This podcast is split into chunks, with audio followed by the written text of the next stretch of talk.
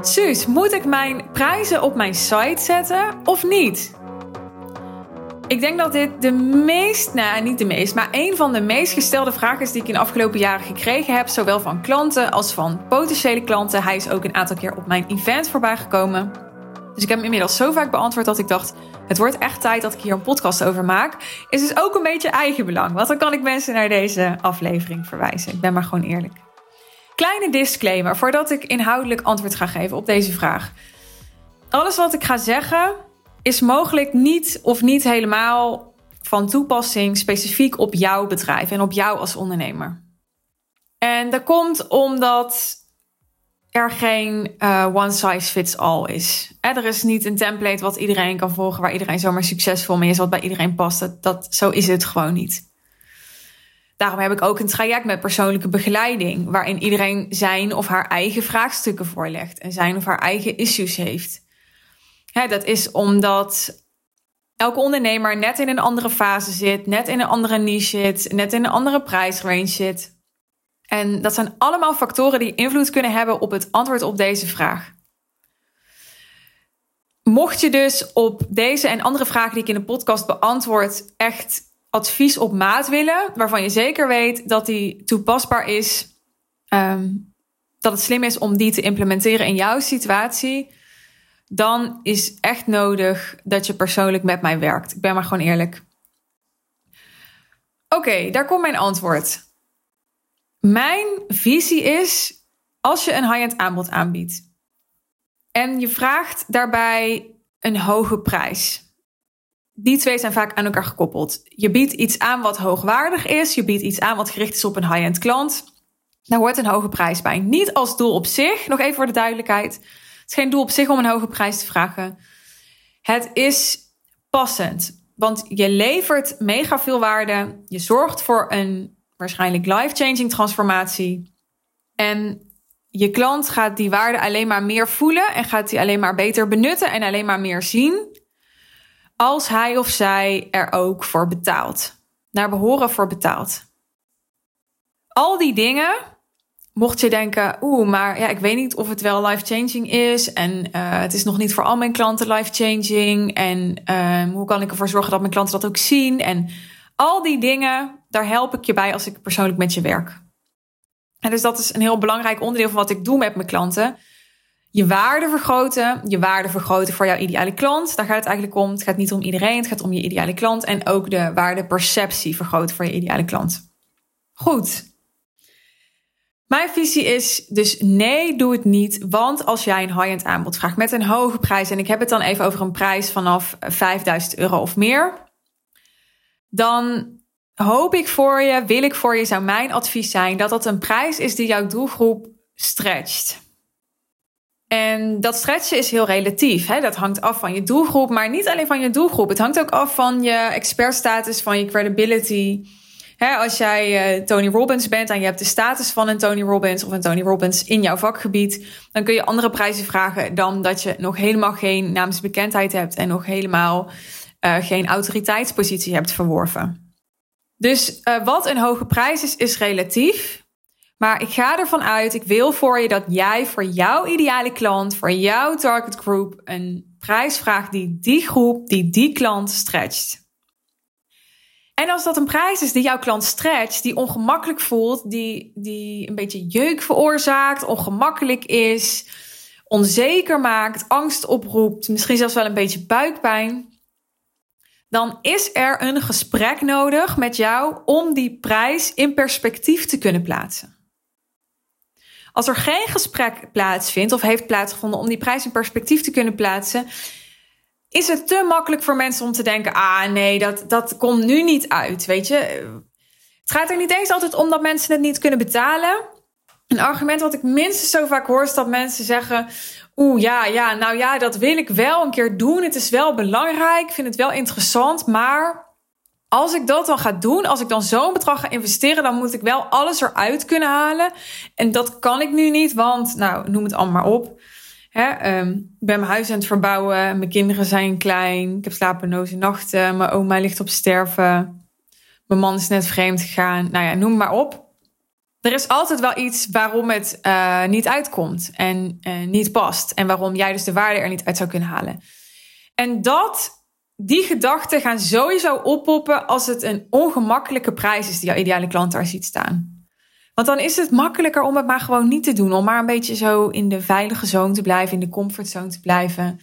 Om maar te blijven bij wat vertrouwd is. Niet te gaan veranderen, niet iets aan te gaan wat onbekend is, wat gevoelsmatig risico's met zich meebrengt. Terwijl eigenlijk is het veel risicovoller als iemand blijft waar die nu is. Maar zo voelde het waarschijnlijk op dat moment niet. Want op dat moment komen al die gedachten op.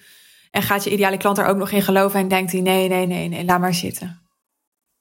Je wilt je klant begeleiden bij het precaire proces van het doen van zo'n investering. Dat is een belangrijke keuze voor je ideale klant. Als jij een grote transformatie aanbiedt, dan is daar ja tegen zeggen een belangrijke keuze voor iemand die veel in gang gaat zetten. Wat het begin gaat zijn van um, ja, hele andere resultaten, een, een, een heel ander leven of een heel andere ervaring.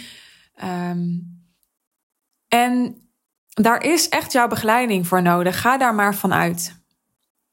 Nogmaals, het hangt van je situatie af als ondernemer. En het hangt ook af van je expertstatus. Als jij echt al heel veel namen hebt gemaakt, heel veel credibility hebt, dus er is heel veel vertrouwen bij de mensen die jij kennen, omdat je veel namen hebt gemaakt, hele goede resultaten hebt gehaald, um, omdat je gewoon heel hoog gepositioneerd bent, als autoriteit wordt gezien, dan zal het minder nodig zijn. Dan zal het minder nodig zijn. Dan, zo zou je het eigenlijk kunnen zien, is een deel van wat je in het verkoopproces zou doen, dan al gebeurt uh, met je marketing, met je zichtbaarheid, um, met dat wat mensen al van je hebben gezien en gehoord voordat ze met je in gesprek gingen. Dan nu de twee tegenargumenten die ik het meeste hoor, waardoor ondernemers wel hun prijzen op hun site vermelden. Tegenargument 1 is: ik wil dat vooraf duidelijk is dat ik een hoge prijs vraag, zodat ik niet in gesprek kom met mensen die niet bereid zijn om dat bedrag te investeren. Dus ik wil niet tijdens het gesprek erachter komen dat, dat het bedrag een issue is. Als dit je motivatie is, dan zou ik zeggen, dan ben je het probleem dat je hebt in je business aan het oplossen, aan het proberen op te lossen op de verkeerde plek. Je bent een soort symptoombestrijding aan het doen. Als jij niet de juiste leads aantrekt, heeft dat te maken met uh, het fundament van je business. Dus met je niche, met je messaging, met je uh, positionering. Daar wil je aan werken, zodat de mensen die op jou afkomen, de mensen zijn die jij ook daadwerkelijk wil, die ideaal voor je zijn. En ideaal is niet alleen leuk, ideaal is ook investeringsbereid. Ja, je hebt geen hobby, je hebt geen stichting. Het is een bedrijf, je wilt winstgevend zijn. Zeker als je deze podcast luistert, wil je winstgevend zijn. Dus ik vind dat niet een goed argument. En het is zonde als je mensen af zou schrikken die in eerste instantie misschien denken dat het hoog gegrepen voor ze is, maar die in een gesprek kunnen voelen dat dat niet zo is. Zo kijk ik daarnaar. Sommige mensen hebben echt dat gesprek nodig om een omslag te kunnen maken daarin. Mocht het nou zo zijn dat jij al ervaring hebt met een hoge prijs op je site vermelden en uh, dat heel goed voor je werken, dan kan het zijn dat het gewoon goed voor je werkt en dat je het vooral zo moet blijven doen. Helemaal prima. Het kan ook zijn dat er toch nog echt een verhoging in je prijs mogelijk is.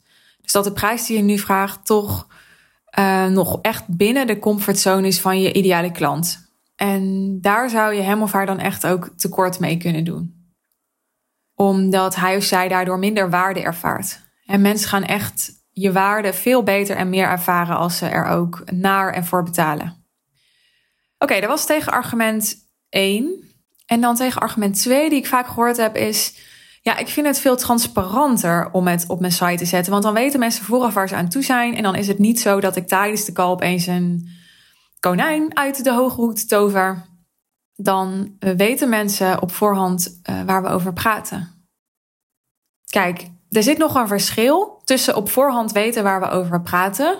Waarvan ik denk, oké, nou, hè, dat kan een argument zijn. Dat jij zegt, ik heb gewoon er geen zin in om met mensen te praten die niet um, vooraf weten dat dit is wat de investering gaat zijn. En die dus zich daardoor niet laten tegenhouden om in gesprek te gaan. Oké, dat vind ik nog een argument. Maar transparantie vind ik niet echt een goed argument. Waarom niet? Omdat als jij zegt, ja, ik vind het niet transparant om dat niet op voorhand te delen. Waarmee je eigenlijk zegt, ja, omdat ik een hoge prijs vraag en ik wil niet dat iemand daar tijdens een call pas achter komt, dat vind ik niet transparant. Dan zeg je dus eigenlijk dat je het gevoel hebt dat je iemand soort van night benadeelt met je prijs. En dat hij of zij daarom het wel van tevoren moet weten. Niet dat hij jou tijdens de call uh, daarop gaat afwijzen of zo. Omdat hij vindt, jeetje, maar, maar hoe kan je dat nou vragen? Of hoe kan je nou verwachten dat ik dat ga investeren? En ja, en dat is niet the way to go. Want om te beginnen, ben je dan aan het vermijden dat je afgewezen wordt? Dat zou daar mogelijk onder kunnen zitten, althans. Nou ja, vermijden is nooit een hele slimme strategie. Ten tweede, als je het gevoel hebt dat jij je klant benadeelt met je prijs, dan ben je dus nog niet helemaal verkocht op je prijs, dus nog niet helemaal verkocht op je aanbod. Dan heb je daar echt werk te doen. Want het is belangrijk dat je in de eerste plaats er zelf verkocht op bent, zelf helemaal achter kunt staan. Uh, dan gaan en willen mensen het ook van je kopen. Bovendien, ja, waarom zou je dingen willen doen in je bedrijf waar je niet achter staat? Ik bedoel, ja, it doesn't make sense, denk ik. En als jij het niet transparant vindt, zou daar ook nog onder kunnen zitten dat je het eigenlijk gewoon heel spannend vindt om dat bedrag tijdens een call uit je strot te krijgen. Dat maak ik ook mee. Dus dan hebben mensen zoiets van, nou, lekker makkelijk, dan plant ik het daar neer. En dan hoef ik het niet meer te zeggen. Maar dat is natuurlijk ook vermijding. En nogmaals, dat is meestal of eigenlijk altijd niet echt een goede strategie. Dus dat is mijn reactie daarop.